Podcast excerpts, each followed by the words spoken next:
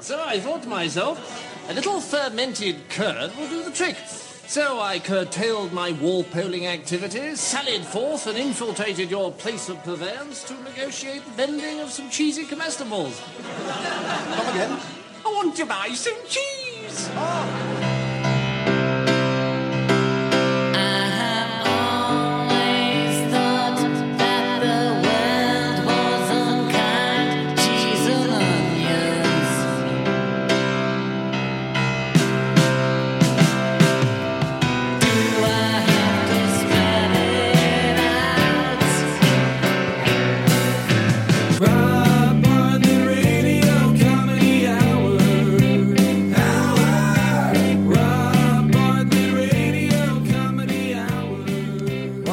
boys and girls, to the Rob Bartlett Radio Comedy Hour. I am Rob Bartlett. This is my radio comedy hour. And I know it's not an hour. I know the song says it's an hour. It's not an hour. But it's an hour's worth of laughs condensed into a smaller package. It's like a it's a yuck concentrate. This is episode number 51. Episode 51. We're almost a full year old. I think we started last year, June 5th, doing this very fine podcast. Its first incarnation way back then. And here we are now, almost a year later. And we've built quite a following. We have built quite a tremendous following, and we would like to continue building a tremendous following. So we would appreciate it if you would share the joy and the wonder of this particular podcast with your friends and family and, and urge them to subscribe so that way they can always have the newest episode every day waiting for them. Uh, we encourage you to drop us a line, send us an email, Robio Radio Comedy Hour at gmail.com, and a bunch of you have. And so we're going to start today off with reading a couple of these, uh, these emails. You've got mail. Thank you, AOL Installation Disc, for that very fine sound effect in lieu of a jingle. First up, Derek from Brooklyn asks Dear Robio, we all know which radio show is your favorite. What's your favorite TV show? Uh, hands down, Jeopardy, up until recently, the past month, I have not been able to watch Jeopardy because of this douche nozzle Holzhauer, James Holzhauer, who won $2,464,216, which is just short of the record, 2520700 that was set by that Jeopardy nerd Ken Jennings. The difference is Ken Jennings took seventy-four appearances to make the two million five hundred twenty thousand seven hundred. Holzhauer only took 32 wins to get 2,464,216. So if he'd gone the full 74 appearances, God only knows how much money he would have made. He he averaged $76,944 per game and he had a single game high of $131,127. Both of those were Jeopardy records. But this was the smuggest, smarmiest little douchebag. He, he drove me crazy. He was had this real, just snotty attitude and just condescending, and the look on his face every time he would get something right, he'd get this. Of course, I knew that look, you know. Uh, and then he would write on Final Jeopardy. He'd write little notes to his family, you know, happy birthday to his daughter, and and uh, I love you to his wife, and this is for you, Granny. Hi, Autumn. Uh, fuck you. But the best was when he lost, and and somebody from the show actually like leaked it, so it was up on YouTube before it even aired. So it was an ultimate spoiler. Final Jeopardy, he wagered thirteen hundred and ninety nine dollars. His uh, opponent Emma Boettcher, she wagered twenty thousand two hundred and one dollars of her twenty six thousand six hundred dollars. She nailed the answer, bringing her winnings to forty six thousand eight hundred and one dollars, a dollar more than what that than that douche nozzle Holzhauer would have scored if he'd bet all his money.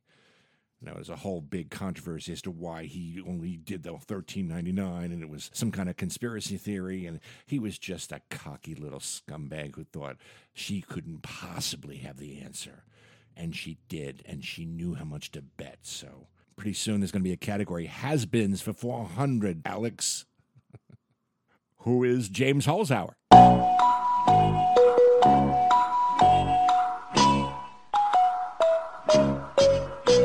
Okay, Peggy from Nashville writes Just listen to episode 48 about Walt Disney going to Bund meetings. What is a Bund and why are they meeting? Excellent question, Peggy. The German American Bund, or German American Federation, was a pro Nazi organization that was established in 1936. Had been known as Friends of New Germany, but they decided to call it the German American Bund to emphasize the group's American credentials because apparently there was some press criticism that the organization was unpatriotic. Hmm, imagine that. The Bund was only supposed to be American citizens of German descent. Its main goal was to promote a favorable view of Nazi Germany. großen Reichtümern, mit gewaltigen Naturschätzen, mit wenig Menschen auf einem Quadratkilometer. Nicht nach Menschen, sondern nach Gottes Willen. That's a Bund. It's not to be confused with a Bund, which is a group that was formed to promote a favorable view of cakes that are baked in a circular pan. Ian from Liverpool, one of our many UK followers, wants to know what's with all the Beatles stuff on your podcast. Oh, Ian, you're from Liverpool. You need to ask. I am one of the more diehard Beatles fans there are on the planet, and there's a very good reason for that. There is simply no other band in the world in history that's ever been better or bigger. And, you know, you can argue all you want, but you'd be absolutely wrong. Throw up the Rolling Stones to me, I'll just smack you down, you know? Their Satanic Majesties request, which is Sergeant Pepper Light, please. The older generation leading this country to galloping ruin. the thing is with the Beatles, every time I hear a Beatles song, and I've heard most of them literally thousands of times, but every time I I listen to them, it's like I hear it for the first time. I get that same feeling, that same sensation. And there's not a lot of things you can say that about in life. You know, certainly not sex. At least sex with me. Jesse from Kansas City asks, Hey, the Robio. Well, it's not the Robio if you're addressing me, it's just Robio. The Robio is the third person form that I take when I'm talking about myself. The Robio. Hey, the Robio, you obviously have great fashion sense. Which celebrity do you think is the best dressed? You think you know fashion? Well, fashion's a stranger. You think fashion's your friend, my friend? Fashion is danger. This was a no brainer. There are two there's a male and a female. The female would have to be Ivanka Trump. I don't know if you saw what she was wearing over there in the UK. You know, hats are very, very big. Queen Elizabeth wore the, the hat, of course. Melania had to wear the hat that was just like the hat that Princess Diana wore. But Ivanka, Ivanka had the fashion courage to go out in public wearing a maxi pad for a hat. Now, you look at this picture and you tell me that's not a maxi pad she's wearing on her head. God bless you, Ivanka Trump, for taking that chance, that fashion. You know, uh, Lady Gaga can wear a meat suit. Anybody can wear a meat suit. It takes real fashion courage, self confidence to to peel off that little thing over the adhesive strip and slap that puppy on your head and go out and take pictures with the queen. And as far as the male fashion person is concerned, it, it has to be Guy Fieri. Again, what courage to get those platinum frosted tips in his hair, the pièce de résistance, wearing the sunglasses on the back of his head as though his eyes were on his neck. That's fashion, boys and girls. That is, that is fashion. I invented the piano key necktie! I invented it! What have you done? Nothing! You've done nothing! Steve from the Bronx, do you believe in UFOs? The the History Channel has a a new documentary and they have footage from these various sightings and if you don't believe in UFOs, trust me, after you watch this, you are going to believe in UFOs. There is this clip that was taken by a Navy pilot off the coast of San Diego, and it looks like it's a tic tac, a flying tic tac, and it's going just as fast as this Navy jet. And you think, oh, maybe it's just like a reflection off uh, the the fuselage of the jet onto the clouds, and and you might think that, but then all of a sudden it does a little flip, like it's showing off for the Navy pilot. You got to check it out. It's it's you can find it online. We are not alone in this universe. Trust me. Ricky from Warren, Ohio. Any acting gigs coming up? Well, I'm so glad you asked that, Ricky, because starting this Thursday night, day after tomorrow, I start my five episode story arc on Elementary, playing Police Chief Captain Dwyer.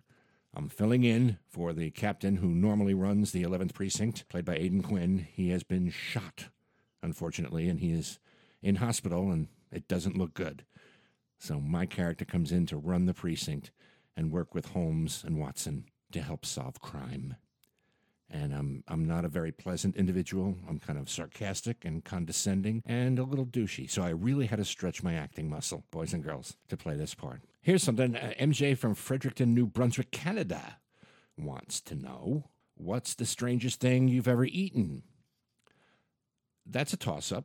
I would say green tea Kit Kats was certainly up there. One thing about the Japanese, they take some amazing flavor chances over there. And they they have, you know, wasabi flavored Kit Kats. You can't get them over here, unfortunately. You can get the green tea Kit Kats here if you go to an Asian market, but you can't get the wasabi Kit Kats. They have turkey flavored soda. It's just banana soda. They actually have banana soda in Japan. The, the other thing I would have to say was one of the stranger experiences that I ever had was I was at a uh, a sushi bar with Rick Nielsen and Bunny Carlos from Cheap Trick. I don't want to drop any names, but you know, they're pals. Uh, we're at Sushi Seki. It's like two o'clock in the morning. Just seen them. They've done a gig.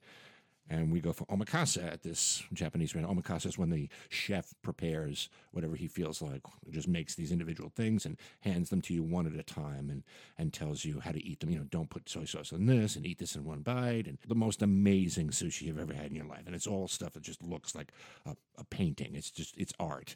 And, and that the flavors are just off, off the chain.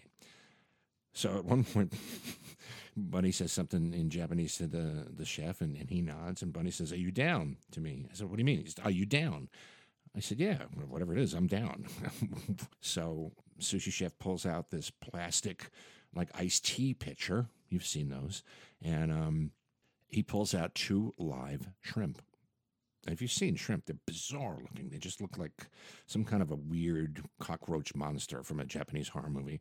And he twists the tails off both of the shrimp and he lays tail and the rest of the body on the little wooden thing. And the the legs are still moving and the shrimp watched me eat its tail and then the chef calls to one of the waitresses. She sweeps away the uh, leftover carcass and comes back like five minutes later with the carcass of the shrimp dipped in some amazing tempura batter. And it was the most amazing thing I'd ever eaten in, in my life. Like this delicious potato chip, just light and crunchy. And I know you're weirded out. I tell you one thing I will never try again. Probably that. This is the strangest thing was monkfish liver. I know it's a big item in, in sushi bars. For the life of me, I have no idea why it is the most vile tasting thing, and the texture is beyond awful. It's it's uh, it's not even one of those things you can grow to like. It it, it, it tastes like you went down on a whale, you know, and licked its blowhole. It's just the single worst thing you've ever had in your life. So, uh, if you want answers to those types of questions, send us an email, Robio Radio Comedy Hour at gmail.com. Also, don't forget to check out our Rob Bartlett Radio Comedy Hour Facebook page at the Robio on Twitter, where you can link to Eric Demery's animation. Little snippet from the Steve Sharippa episode. Eric animated it. Very, very talented kid. College boy. And he can sketch. Don't forget, you can also follow us on Instagram, Robio Radio Comedy, or Robio 007. Now, I know you're asking yourself, what is with the cheese opening? Royale with cheese. Well, today is National Cheese Day, boys and girls. Today's the day we celebrate the heavenly substance created by the coagulation of milk protein and fat. 8000 BC, Neolithic farmers made the first cheese. Cheese actually was invented before pottery, before writing, before metal tools and weapons. Archaeologists have uncovered ancient writings that are basically administrative records of cheese quotas, where they list a variety of cheese that was used in different religious rituals across Mesopotamia. Nomadic Mongolians, check this out, used yak's milk to create a hard, sun dried wedge of what they called byaslag and sounds just as good as I'm sure it tasted. and the medieval monks, the Benedictine monks, the most creative little religious guys on the planet, the little bald heads and the little cheesy haircut and their brown robes, they experimented with different kinds of milk and aging processes until the Parmesan, Roquefort, Munster, and Swiss cheeses were refined and perfected. Now, I always knew that Benedictine monks were kind of crafty because they made B and B. To know that they also did cheese, they weren't just interested in getting fucked up. They also wanted to harden their arteries while they were doing it. So you got to hand it to them. Boursin, Bresse Bleu, Perle de Champagne, Camembert. Ah, we do have some camembert. You do. Excellent. It's a bit runny, sir. Oh, I, I, I like it, Runny. Well, as a matter of fact, it's it's very runny, sir. No matter, no matter. Hand over la fromage de la belle France qui s'appelle Camembert, s'il vous plaît. I think it's runnier than you like it, sir. I don't care how excrementally runny it is. Hand it over with all speed. Yes, sir. Oh, What? the cat's eaten it. The classic Monty Python sketch, The Cheese Shop, John Cleese, Michael Palin. Classic Monty Python. Gouda? No, Edam? No. Caithness? no, Smoked Austrian? no, Sage Derby? no, sir. You do have some cheese, do you? Oh, certainly, sir. It's a cheese shop, sir. We've got. No, no, no, no, no, don't tell me. I'm, uh, I'm keen to guess. Fair enough. And while we're in a British mode, don't forget Billy J. Kramer, my good friend Billy J. Kramer and I. Billy J. Kramer uh, of the British Invasion, Liverpool legend. He and I are going to do a bunch of shows this summer. He's going to sing with his band. I'm going to do some comedy. I'm going to do a little interview with him. And I think at the end, we're going to do some stuff together, do a, a Beatles song or something together. So if you want to know when it's going to be and how to get tickets, just keep checking the Rob Bartlett Radio Comedy Hour Facebook page or follow us on Twitter or Instagram. Do all those social things. And you'll know exactly where we're going to be and what we're going to do and how you can be part of it. It's not much of a cheese shop, really, is it? Finest in the district, sir. And what leads you to that conclusion? But it's so clean. Well, it's certainly uncontaminated by cheese. Well, that about it does it for us today on the Rob Bartlett Radio Comedy Hour, boys and girls. We'll be back again tomorrow. Remember, tell your friends and family, spread the love, get them to subscribe, and leave us a review wherever you get your podcast, because that helps other people find us when they're looking for us. Don't forget this Thursday night, the Robio on Elementary, Captain Dwyer, five episodes. It's quite the story arc. Program today produced by Gary Grant and me, Rob Bartlett. All material written by me, Rob Bartlett, with a little help from Andrew Smith. Of course, the Rob Bartlett Radio Hour theme song, music and lyrics by Gary Grant. And it's always important to remind you that no animals were harmed in the recording of this podcast. We'll see you again tomorrow on the Rob Bartlett Radio Comedy Hour, boys and girls. And until then, be good to each other, won't you?